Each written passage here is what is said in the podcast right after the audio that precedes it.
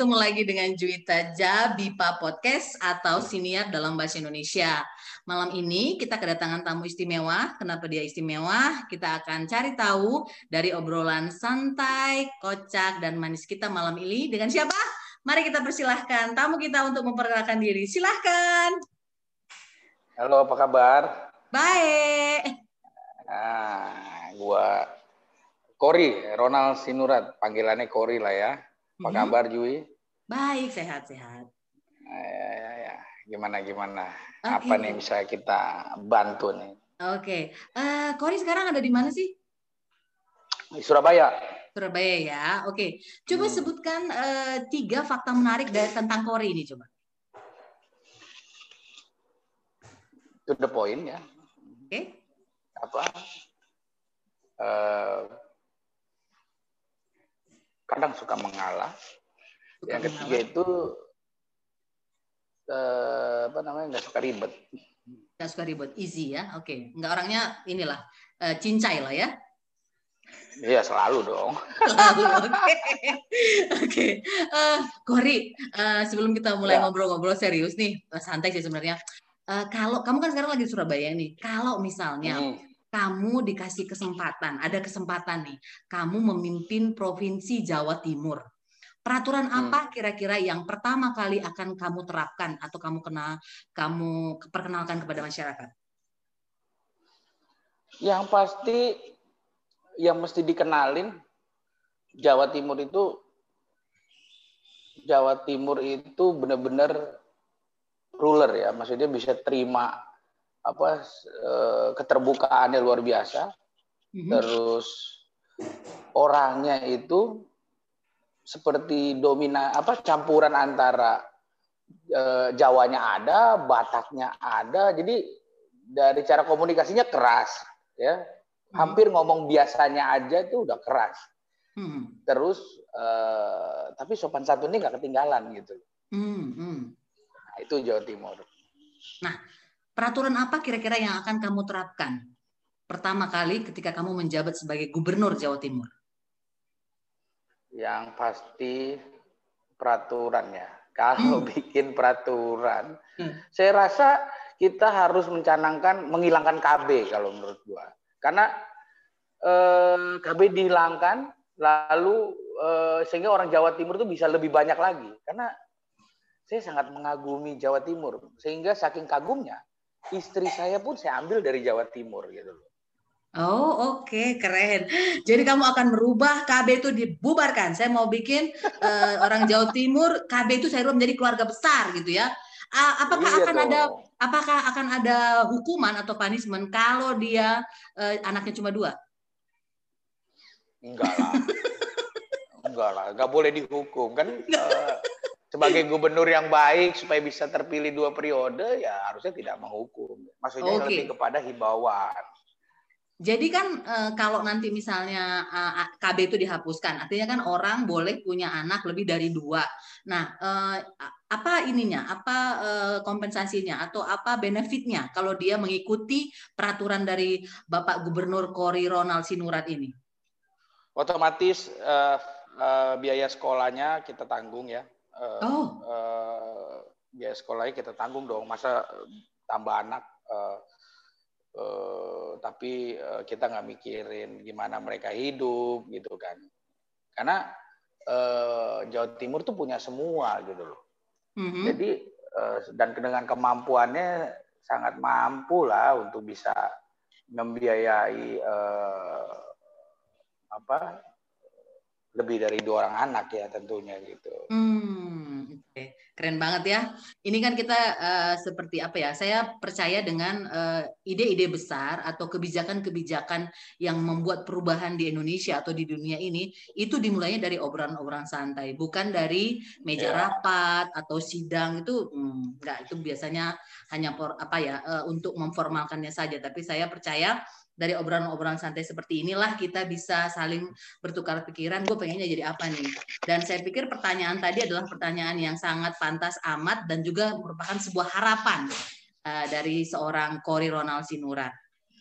para pendengar BIPA, uh, Juta Jabipa Podcast, uh, saya ini berteman baik dengan uh, bintang tamu kita ini, Kore ini, dari sejak kuliah ya.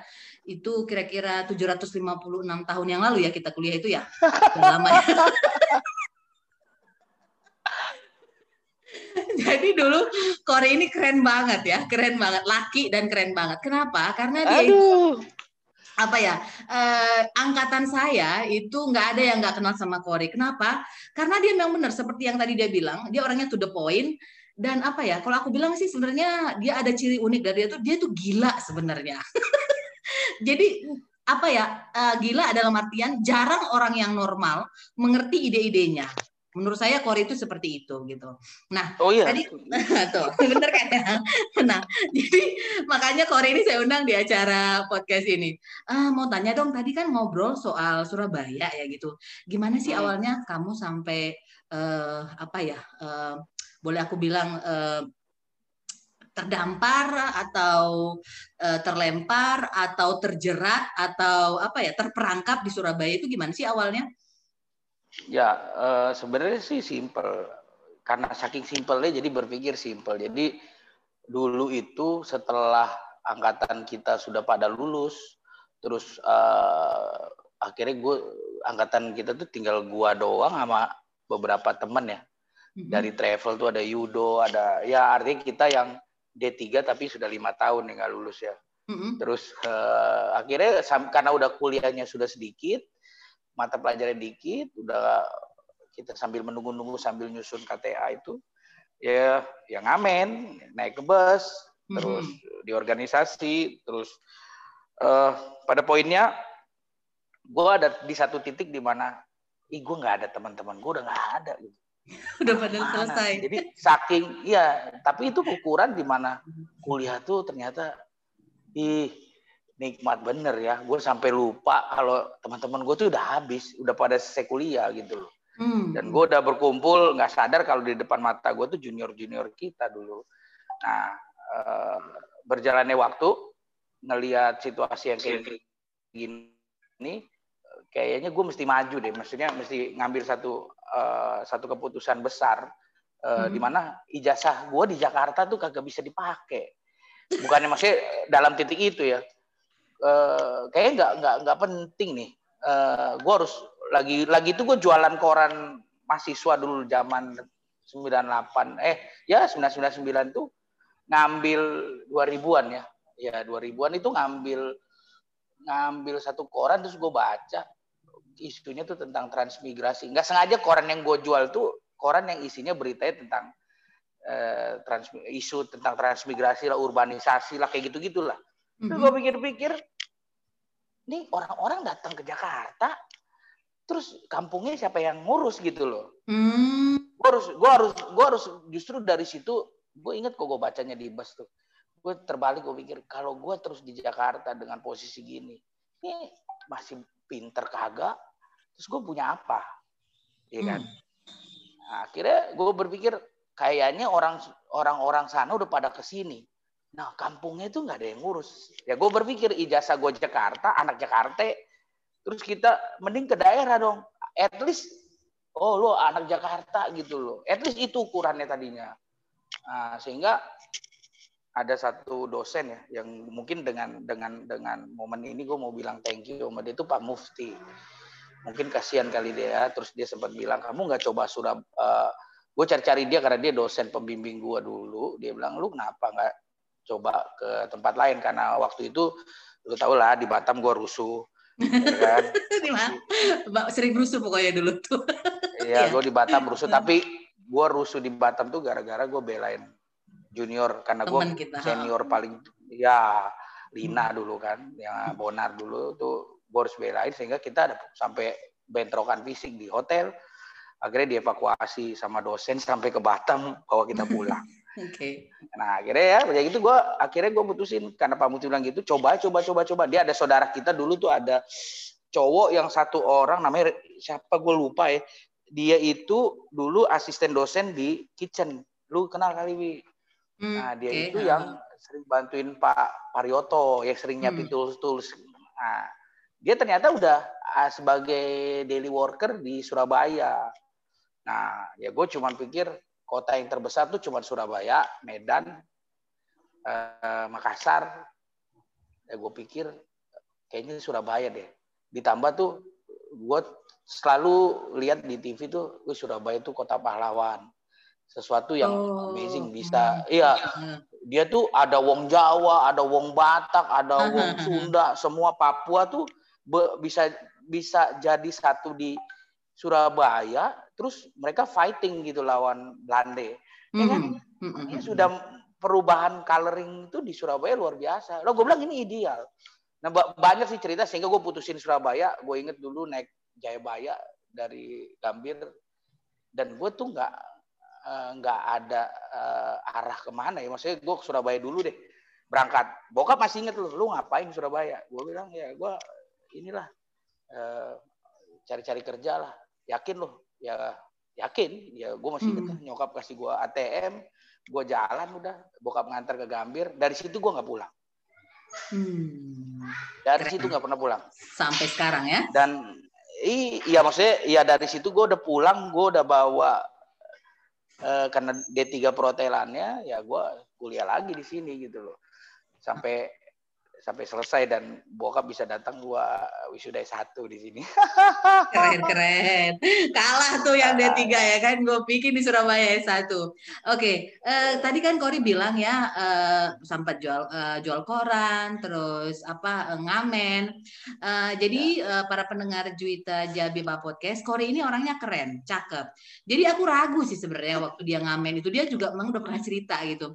Orang-orang kesian gak sih ngeliat kamu ngamen apa karena apa gimana nggak sih orang ngasih oh. duit itu ke kamu kesian atau karena apa ya pengen nanya nomor handphone kamu? Sebenarnya gini, Wi.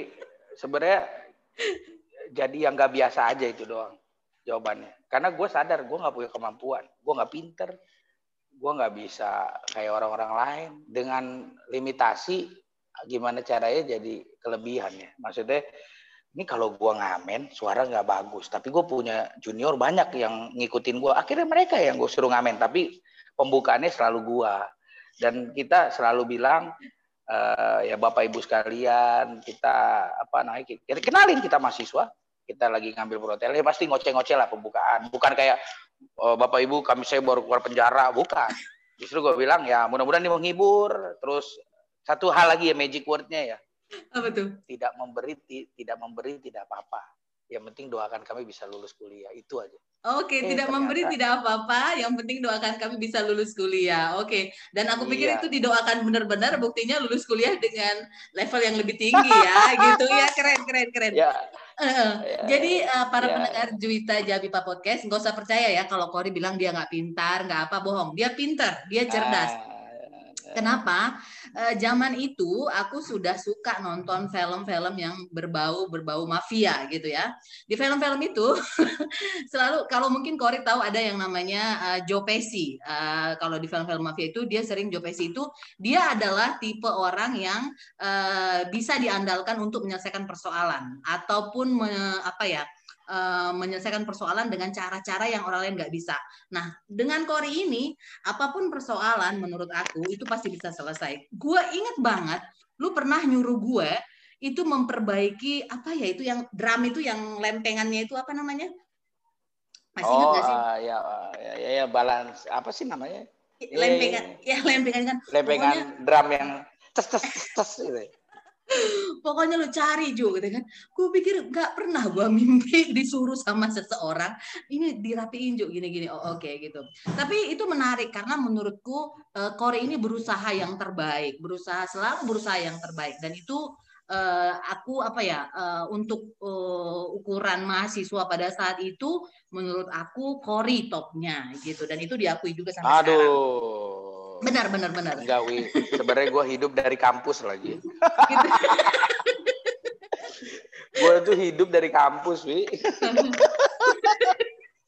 gitu. Jadi mau nggak mau, mau nggak mau harus perfect gitu loh. Oke. Okay.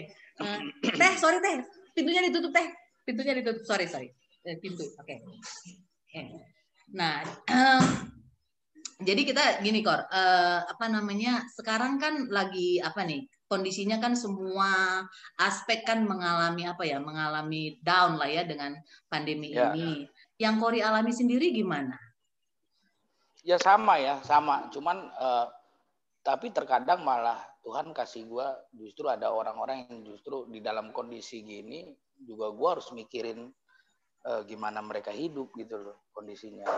Ya gue cuma bisa bilang, wah ini itu kan istri udah di pertengahan ya. Lu mau ambil, lu pikirin lu atau lu juga pikirin orang sama lu sama anak-anak lu ya itu hal besar sih. Cuman kalau kita ada ada ada lu lu kasih hmm. lu memberi itu biasa aja sih tapi kalau lu pas-pasan tapi lu masih bisa beri Masih, itu keren itu iya, keren jadi ya, okay.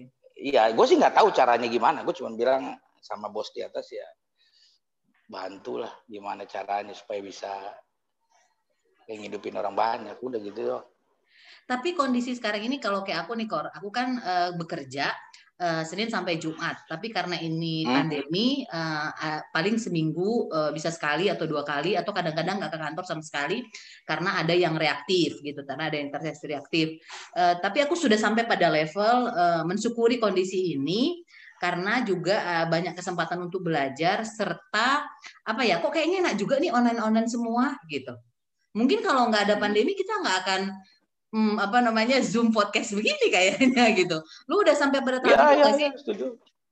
Udah, udah. Apalagi gue juga harus di di di, di titik di mana ini gue bayar uang sekolah. Kalau gue nggak ada di sebelah anak gue Zoom, ini uh -huh. ada gunanya gitu loh.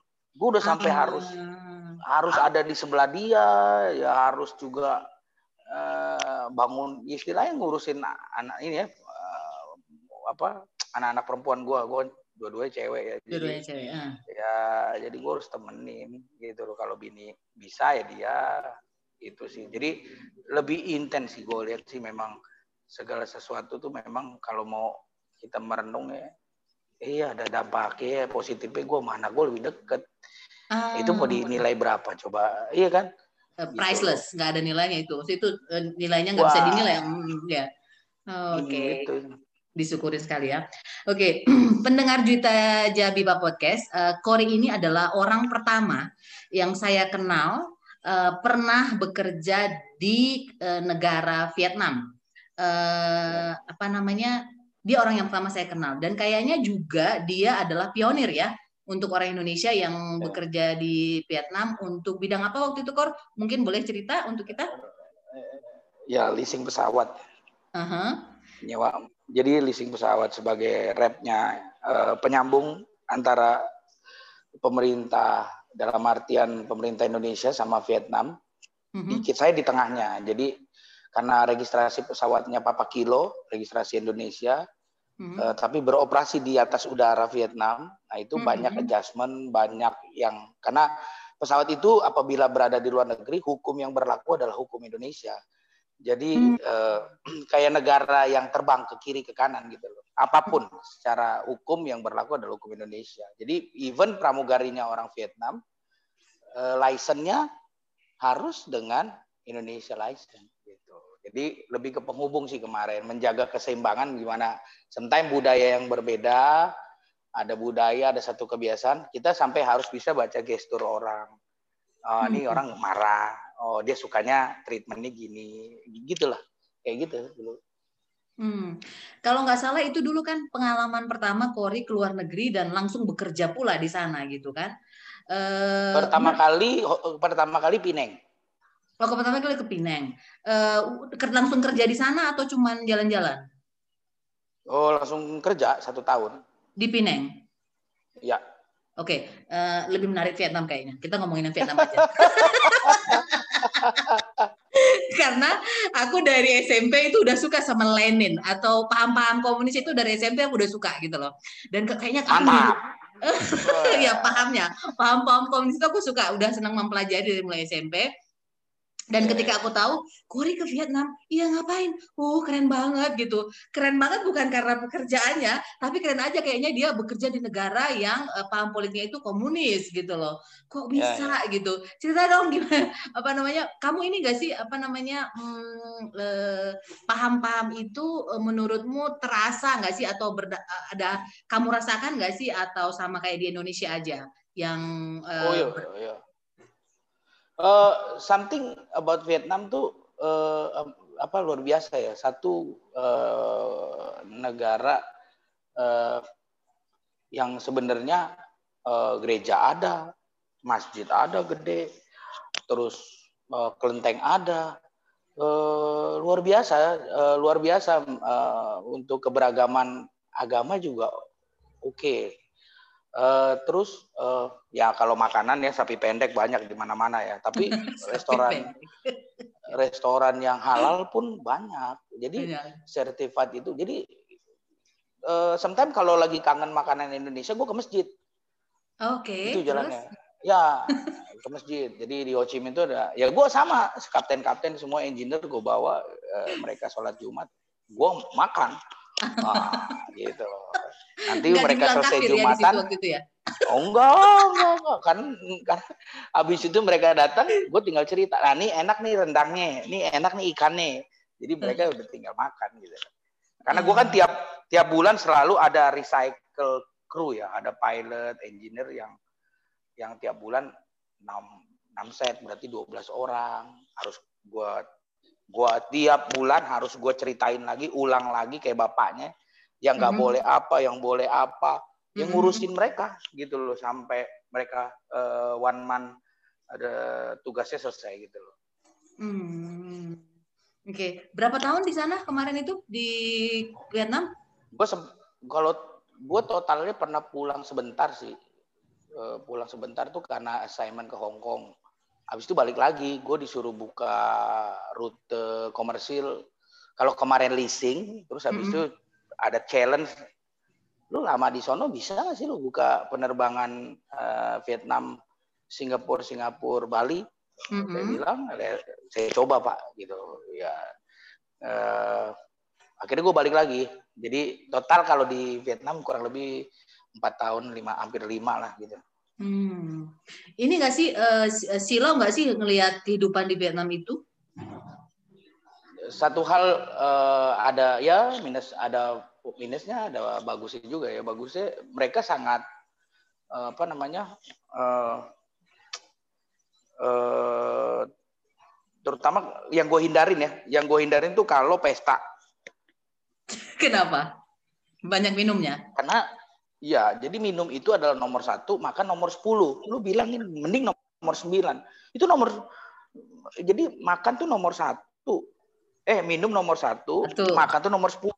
Seandainya makan nomor dua kan udah deket ya. Ini jauh gitu loh. Oke. Okay. Dan Ber hmm, berarti cewek makan, cowok sama gitu. Oh, oh, cewek cowok sama. Jadi minum nomor satu, makan nomor sepuluh. Dan kenyataannya hmm. nomor dua sampai nomor sembilan itu tetap minum juga ya? Iya.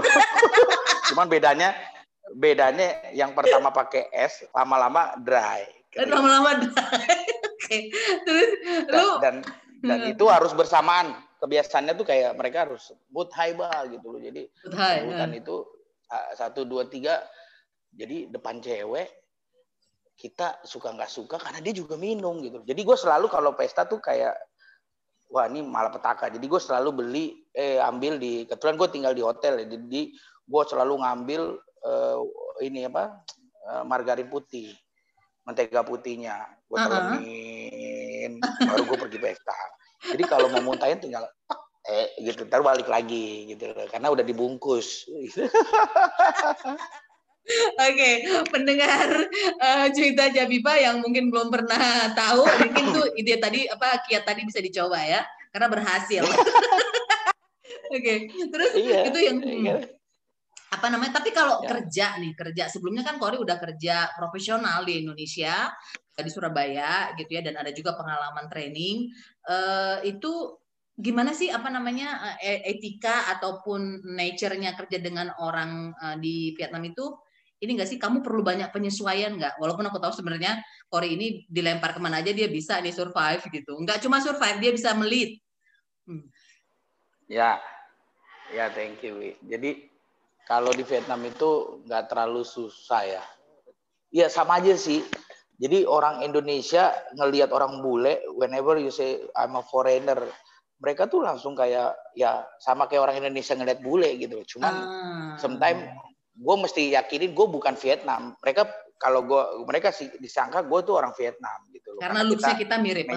Iya, jadi dia ah lu, gue nggak percaya lo, lu Vietnam udah lah nggak usah bule-bulean gitu. ya. Padahal gue Batak bos. ya udah, gue bilang Indonesia dia nggak ngerti, gue bilang gue Batak. Kayak gitu, gue Batak, gue bilang gitu. Iyalah. iya lah. Habis okay. udah pusing jelasin bilang kita foreigner dia nggak percaya. Tapi ya kebiasaan satu sih yang yang yang gue nggak tahu nih matching nggak di Indonesia.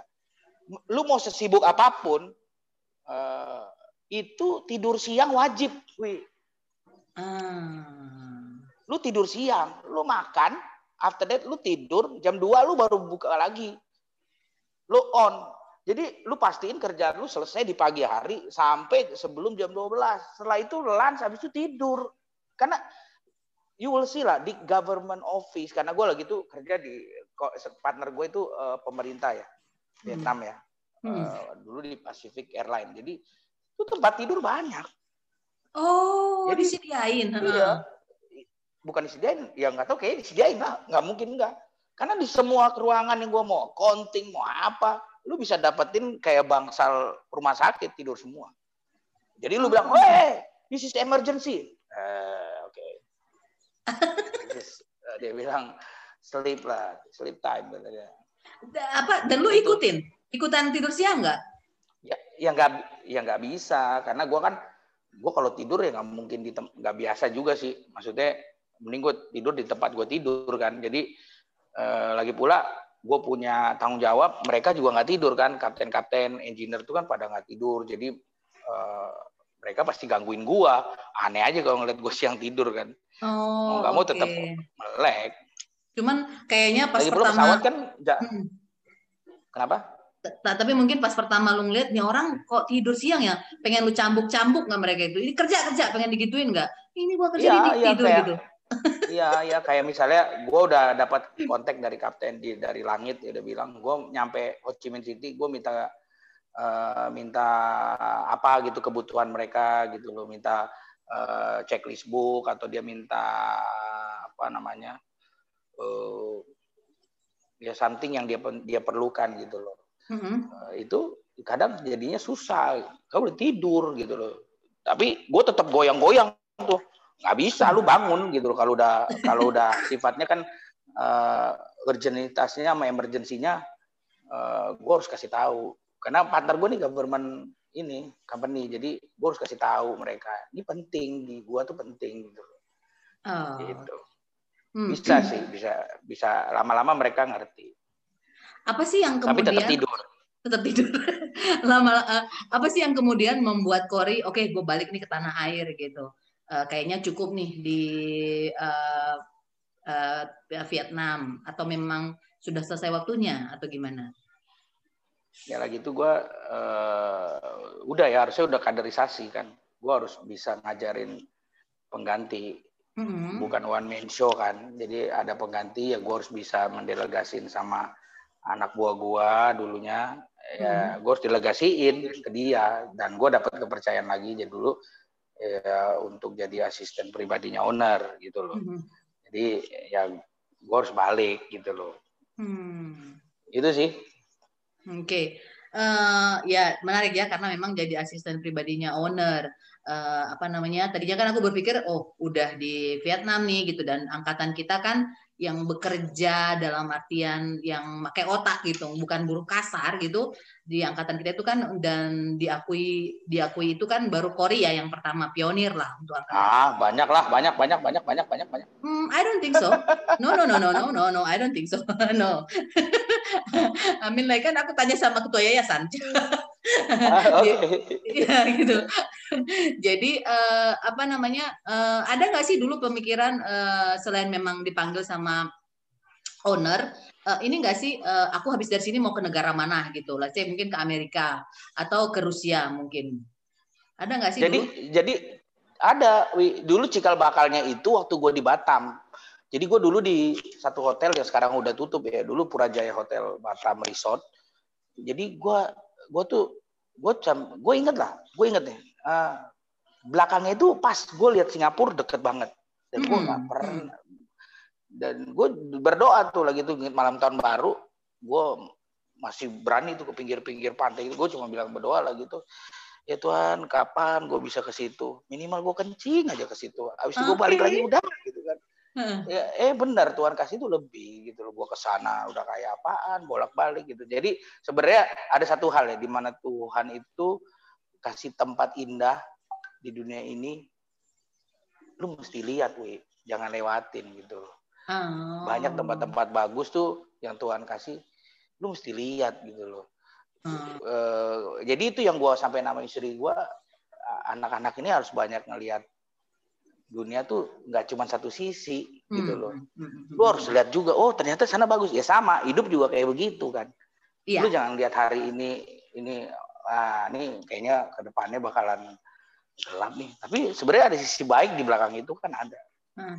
Tapi Kori setuju nggak sih itu semuanya kayaknya apa ya eh, salah satu dampak dari Kori eh, berani gitu tinggal dari kenyamanan uh, sama orang tua atau keluar dari kos-kosan uh, kosan-kosan mami.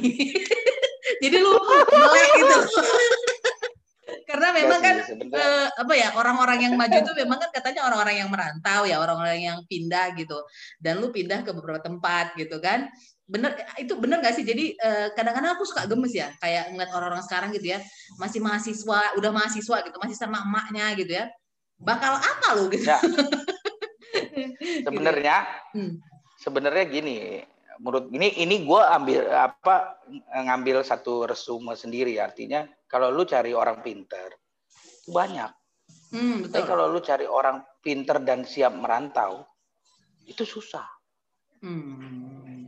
itu udah pasti mau ditemuin ke mana. Karena lagi-lagi ya eh, comfort zone itu di mana lu bisa ngerengek sama mak lu gini gini gini. Ya itu. Jadi pinter aja tapi lu nggak bisa keluar lu sama ya ya persaingannya akan jadi lebih sempit karena everybody stay in the comfort zone gitu loh.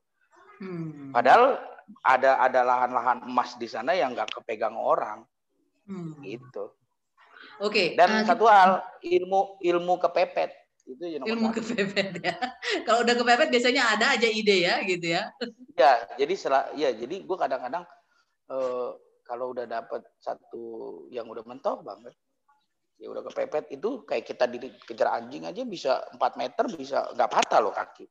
Jadi sebenarnya dalam dalam diri kita, oh ternyata ada satu hal yang untold story lah yang nggak bisa diceritain, iya, tapi itu uh, ada. Secara logika betul. Benar-benar aku setuju itu. Oke, sekarang kita ngobrolin Kori nih. Di Surabaya kesibukannya apa jadi sekarang Kori? Uh, jadi Surabaya gue buka kantor uh, buka kantor hukum namanya Goodwill Law Firm. Mm-hmm. Gue bareng sama istri. Jadi istri gue tuh notaris PPAT di Surabaya. Mm-hmm. Jadi uh, bareng lah gitu loh. Duet lah ya. Bareng sama dia. Oh. Ya duet. Jadi sometimes ada urusan kenotariatan yang harus diselesaikan di pengadilan, nah gue yang maju. Oh, Oke. Okay. Jadi, uh, mm. jadi hotel Uh-uh. Habis dari hotel ya kan, uh-uh. kita larinya ke airline. Airline. Habis dari airline, logistik freight forwarding. Oke. Okay. Habis itu kita ke oil di bunker, bunker uh-huh. fuel, bunker fuel di laut. Oke. Okay. Ya baru ke sini sekarang. Oke. Okay. Menarik sekali karena uh, para pendengar Juita Jabipa Podcast, Kori ini kan sekarang urusannya legal ya gitu. Uh, seingat aku sih selain Kori ini memang keren, uh, kreatif, tapi juga dia termasuk orang yang se, apa ya uh, terkenal suka melanggar aturan. dan sekarang ya aku cukup jelas ya. Dulu ada himbauan dan itu berulang-ulang disampaikan kampus tidak mendukung mahasiswa untuk ikut demo gitu ya. Dan dia nggak cuma ikut, dia aktif. nggak cuma ikut ikutan, dia aktif ya kan. Dan itu dulu aku satu sisi pertamanya sih aku ngeliat nih orang ini ya nggak mikir apa orang tuanya deg-degan apa gimana gitu. Yeah. Tapi lama-lama oh iya bagus dia harus ikut Kenapa? Karena misalnya kan sekarang dia udah punya anak nih gitu. Dia bisa cerita nanti ketika anaknya uh, lihat berita 98. Dulu papi di mana ini, Pi? Tidur di kosan. Mati aja deh papi gitu. Tapi kalau kayak Korin kan dulu papi di mana? Oh, papi maju baris di depan gitu kan. Keren kan gitu ya. Benar. Jadi apa namanya? Hmm, apa uh, dan dia ini sering melanggar aturan termasuk yang aturannya dia harus udah lulus dia nggak tahu entah di mana gitu dan akhirnya dulu dia lulus di mana gitu loh. Jadi lo sekarang gimana? Apa namanya uh, ini gak sih pernah nggak sih kepikiran Uh, pasti kan lo menghadapi banyak PPAT itu kan banyak apa ya banyak uh, pasti uh, mungkin akan menghadapi beberapa sengketa segala macam gitu. Itu ini gak sih lo be belajar dari nol lagi atau lu menghadapi kasus-kasus itu membayangkan pengalaman lu dulu kalau orang yang melanggar aturan itu bagusnya approach-nya seperti ini gitu. Ini gak sih? Ya, kalau gua kalau gua sih satu ya, misi gua tuh lebih kepada bagaimana bukan bagaimana supaya menang itu nomor dua, tapi mendamaikan itu nomor satu. Oh really? Buat gua. Kalau kita damai ya, kan gak ada menang kerjaan itu nomor, uh, gua nggak tahu ya. Uh, kalau uh, karena urusan keran berkat gue kasihnya ada udah gue kasih jalan tuh sama sama Tuhan. Ini Tuhan ini tatakan gue nih ada notaris monggo ada BPAT hmm. monggo. Hmm. mau advokatnya monggo. Gue juga ada jualan nasi kan. Jadi hmm. terserah Tuhan deh gue bikin makanya gue pikir ya itu uh, kita taruh telur jangan satu keranjang kan. Jadi uh, banyak lah kadang itu jadi hiburan. Even itu nggak eh, nggak seberapa tapi eh, Pak nih kemarin ada yang komplain apa nasinya kedikitan harusnya banyak. Nah kayak gitu-gitu kan hmm. satu hal yang sebenarnya kadang-kadang ngibur gitu. Jadi nggak terlena di satu track itu aja. Gue hmm. bosenan wi. Oh gitu jadi uh, apa namanya ya bosenan. Uh, apa namanya tapi menarik lagi karena memang aku nggak begitu apa ya nggak begitu idealis untuk yang penting apa bagaimana supaya damai gitu ya. Karena memang aku ya. pernah ikut uh, ikut psikologi tes gitu ya. Uh, ada juga kita pelajaran psikologi dua SKS waktu itu. Dan ada namanya enegram tes itu nanti Kori juga pernah dengar gak itu kan jadi belum. lu itu belum nanti gue kasih gue terima gue kebanyakan diterima kerja lu percaya gak percaya begitu aja ri. Gitu aja ya. Jalan lu mudah aja ya. Iya ya iya kagak. Hmm. sometimes sometimes gak ada interview you know. Iya ya. Jadi memang apa yang lu bilang, gue orangnya to the point dan rezeki yang lu dapat kayaknya juga memang to the point juga gitu ya. Iya kan? Jadi uh, gini gini kon uh, di di tes enagram itu nanti aku bisa kasih dan lu juga bisa ngecek gitu. Tapi mungkin uh, ini aja sih untuk mengisi waktu. Uh, di situ ada memang uh, achiever, ada investigator, ada juga yang peacemaker kayaknya memang aku dan aku memang untuk yang skor peacemaker itu memang agak rendah gitu loh. Jadi sebenarnya aku berusaha saja gitu. Tapi uh, pada dasarnya aku pikir kalau kita damai-damai aja nggak ada kerjaan gitu loh. Kalau kita nggak perang nggak ada yang makan gitu. Kenyataannya nah, begitu itu. kan. Nah itu. Jadi jadi itu. Jadi kayak lu bilang tadi, lu uh, eh, gue kan bilang gue ngamen, gue jual koran, itu kan harus beda Uh-huh. Jadi dari hal itu sebenarnya udah sama yang gue lakuin sekarang. Gue nggak uh, kita bicara kondisi kondisi negara ya, kondisi uh, hukum ya. Uh, gue nggak bisa komen lah, tapi artinya dalam proses ini uh, jauh lebih paling ideal adalah mendamaikan dibanding uh, membenturkan gitu, mencari siapa yang kuat. Itu yang paling ideal hasil resume kecuali kondisinya jauh sudah sampai uh, salah adalah salah, benar adalah benar, mm -hmm. mungkin akan ke situ ya gitu. Lebih tapi, kepada situasi sih. Tapi itu itu yang lebih yang lebih menjanjikan kah? Artinya uh, aku setuju kalau itu memang ideal. Tapi yang lebih mendatangkan uang? Ya, kalau justru udah biasanya dengan mendamaikan itu rasanya dibanding menang itu rasanya beda. Ketika menang, yang keluar tuh cuma egonya dia bisa kasih lihat lawannya, eh, gue menang, lu mau apa? Itu cuma sebentar, wi. Lu servis lu berapa, gue bayar selesai. Gue udah menang. Dia cuma mikirin dia menang. Tapi kalau bisa damai, eh, jalan, rasanya beda. Bisa dua tahun, tiga tahun nggak lupa tuh. Eh, gue bisa ya. Ternyata gue bisa mengalahkan diri gue. Eh, gue bisa ya berdamai sama orang ini. Itu itu akan jadi bekal gitu loh. Dan Aduh, dewa, eh, dewasa sekali kalau, Kori ini. Kalau bisnis kalau bisnisnya nanti Pak, lu ngerti nggak Pak eh, jualan eh, solar? Gue nih butuh nih gini. Akhirnya, oh oke, okay. gue punya background itu, gue bisa bantu lu apa gitu. Jadi nggak satu fokus di situ. Sebenarnya gue selalu berpikir di balik ini apa sih gitu. Itu sih. Hmm. Atau gue memperjuangkan apa sih gitu ya? Iya, lu mau dua duitnya atau lu bicara uh, ke depan panjang sama hati sama batin lu bisa makan. Karena sometimes kalau kita ngalahin orang, iya dia puas, tapi kita uh, ini gua ya. Maksudnya gua kalau udah lihat uh, kalau kita dalam satu pilihan kita adalah pelaku ya, terus kita bisa menang, tahu kalau itu salah gitu, tapi karena bukti-bukti nggak cukup, si pelaku menang kan dan kita hmm. lagi bela pelaku gitu loh. Lu lihat orang yang tertindas tuh gimana gitu. Hmm. Time itu sih. Oke, okay. aduh udah beda banget nih Kori ini dengan Kori yang dulu gue kenal. Ayolah, tapi sama aja lah. Oke, okay. tapi tapi memang itu ya uh, apa kekagumanku bertambah sih sebenarnya itu bedanya. Gitu. Iya, keren keren. Oke, okay, uh, eh, Kor, sekarang kita ini nih kemarin kan kamu bilang kalau kamu sekarang goes ya gitu.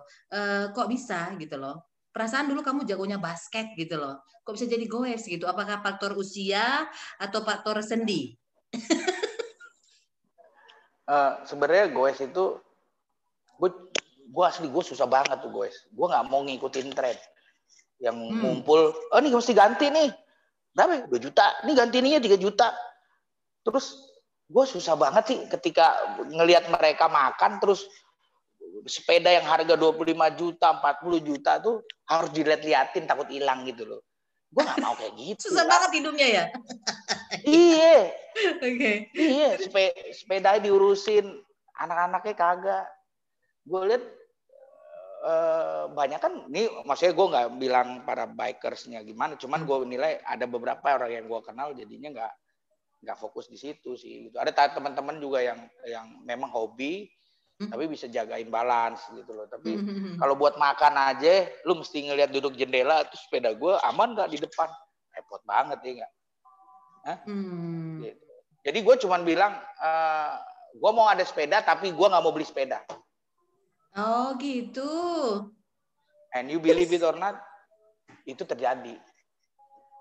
Jadi ada terpaksa gue selalu. Huh? Ada bos kasih, lu datang sini, minta sepedanya lu bawa gitu. Dan lu bisa menikmati ternyata. Eh, sakit wi. ya karena karena gue kan bilang dulu kalau gue mau goes tapi gue nggak mau beli sepeda. Ya percaya nggak percaya gue dapat sepeda gratis. Oh, Oke, okay. be careful of your wish ya. ya makanya, da, makanya begitu jalan, gue jalan, ya gue harus rasain tuh eh, pantat gue sakit, selangkangan gue sakit, jalannya sakit gitu loh. Betis pegel.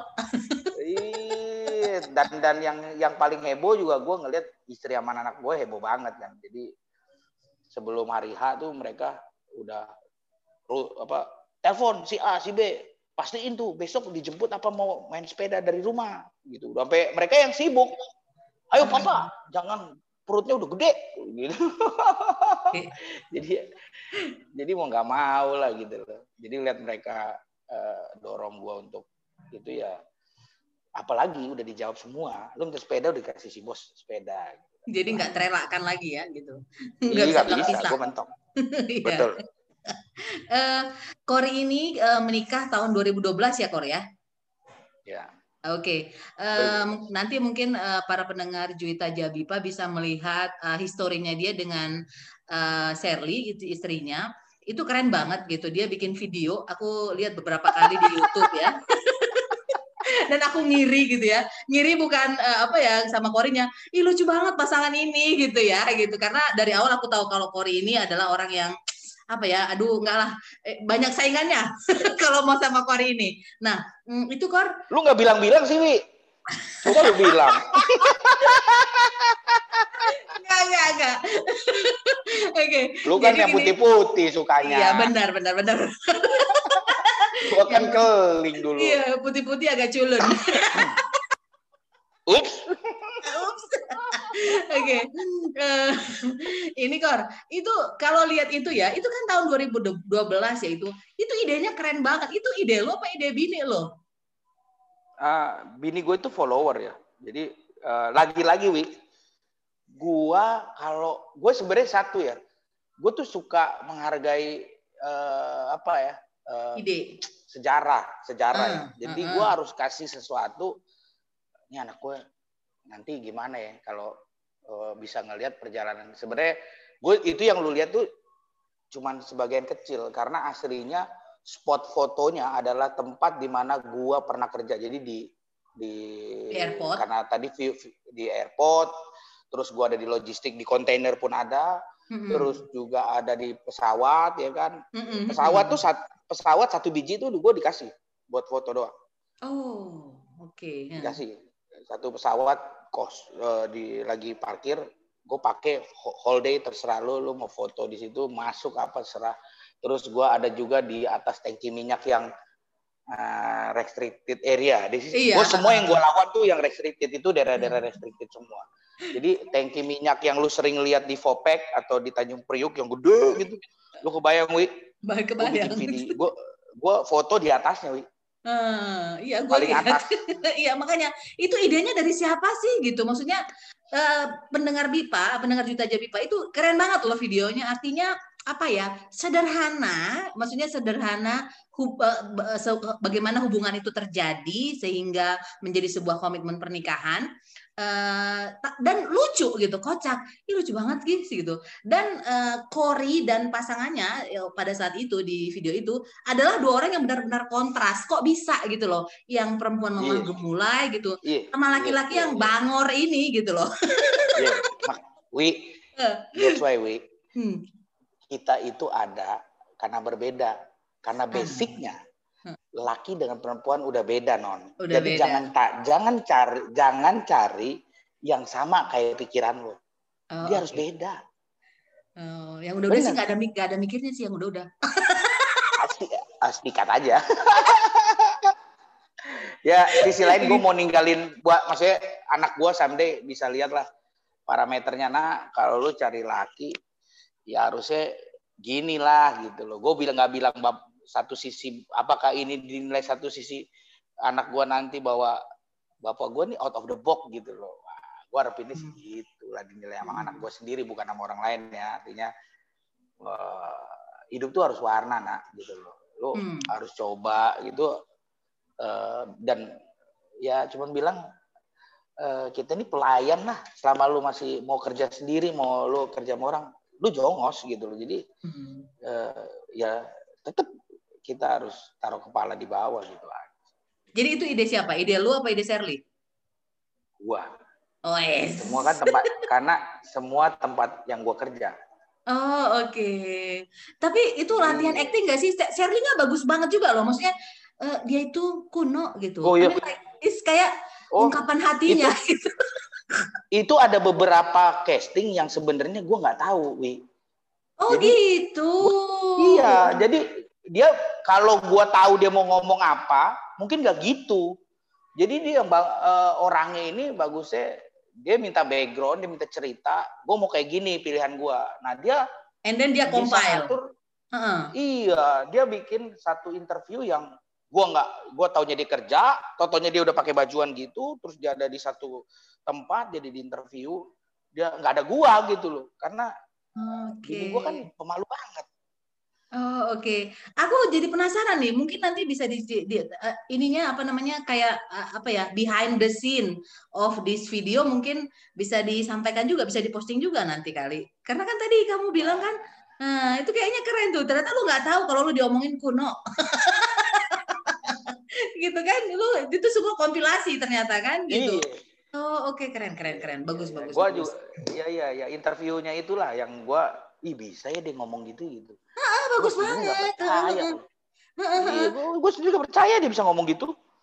Dan apa namanya eh, apa ya aku berpikir begini. Tapi aku yakin sih waktu itu oh perempuan ini hebat gitu. Dan itu ter apa ya ter tertera di ending klip itu kan di balik seorang laki-laki ini ada perempuan yang ini. Karena memang aku pikir memang harus perempuan yang canggih gitu loh. Jadi kan Shirley itu kan kalau dilihat kan eh, apa ya lemah gemulai tapi dia bisa menaklukkan seorang Cory dan menetap nih di Surabaya nih gitu kan nggak mungkin perempuan ece-ece gitu loh Ma- makanya, makanya dari dulu tuh bener ya kan sorga tuh di bawah telapak kaki seorang perempuan tuh bener. bener ya Yang kedua, iya seorang apa eh, perempuan nih yang bisa bikin orang jadi tambah naik, bisa juga bikin tambah turun.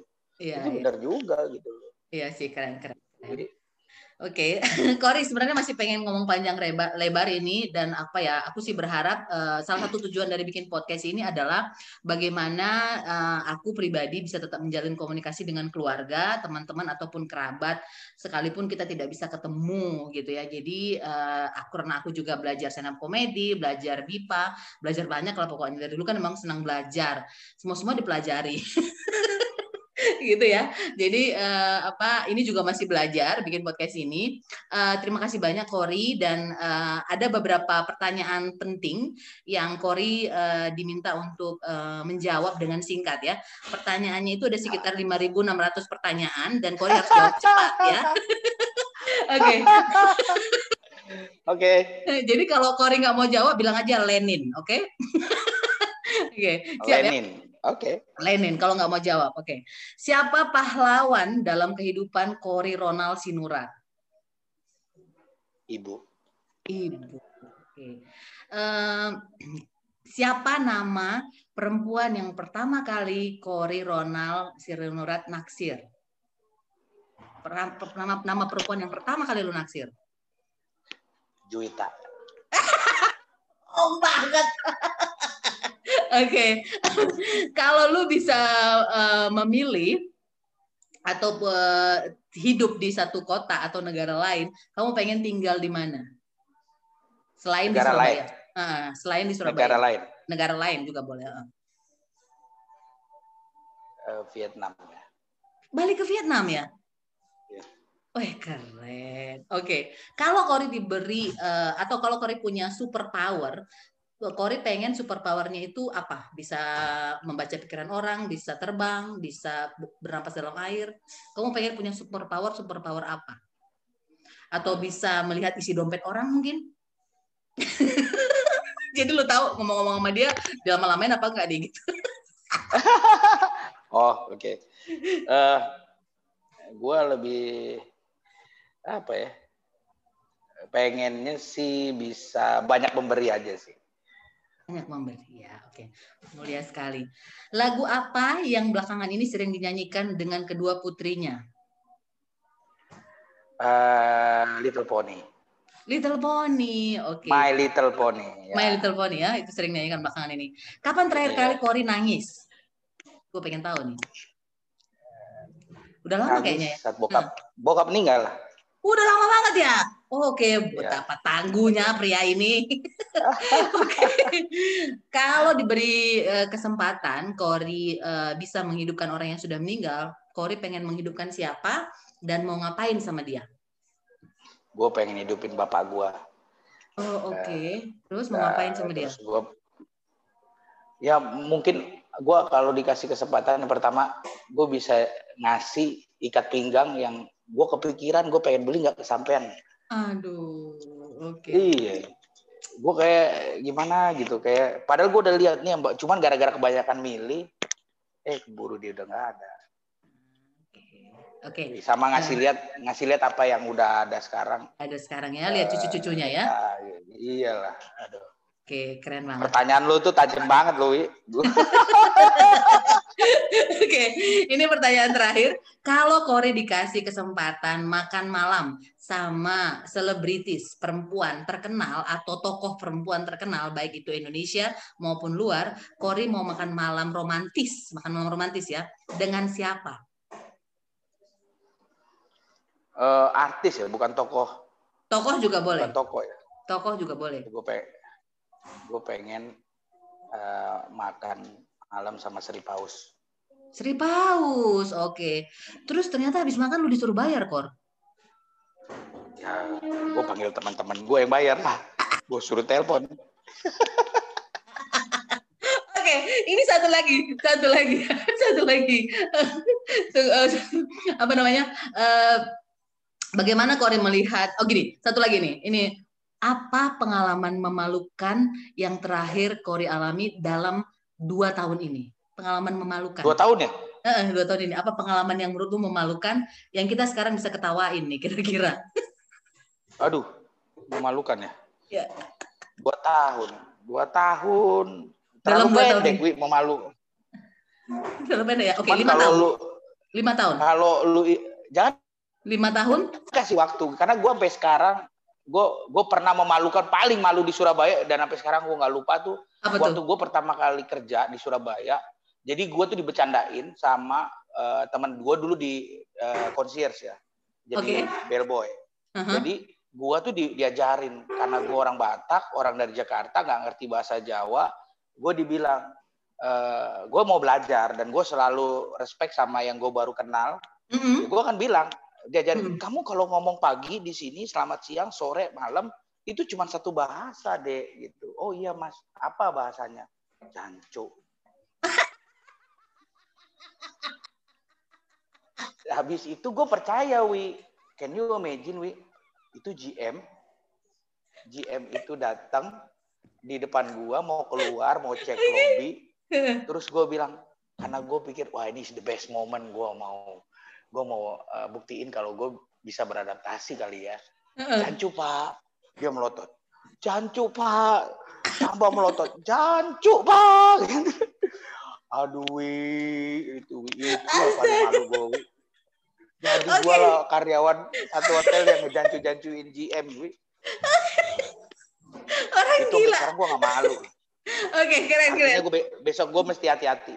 Oke, okay. menarik banget ya. Jadi makanya itulah betapa pentingnya bahasa, oke, okay, terutama bahasa Indonesia. Oke. Okay. Ya, Gak usah sosok. Enggak usah sosok. Kori, terima kasih banyak. Uh, salam untuk Sherly. Uh, sehat-sehat semua anaknya. Uh, sukses untuk pekerjaannya. Mudah-mudahan waktu mendatang uh, kita bisa ketemu atau ada kerjasama mungkin atau apa pun itu. Dan para pendengar okay. Juwita Jabipa, Amin. terima kasih sudah meluangkan waktu mendengar obrolan kita. Mudah-mudahan para mendengar bisa mendapatkan sesuatu, baik itu hiburan, cerita atau apa pun itu. Terima kasih banyak. Semangat terus, sehat-sehat. Terima kasih banyak, Kori. Thank you, Wi. Thank you. Thank you. Sukses. Sehat selalu. Sehat selalu. Dah. Ya, yang jelas uh, podcastnya mantap. Oke, okay, thank you. All the best.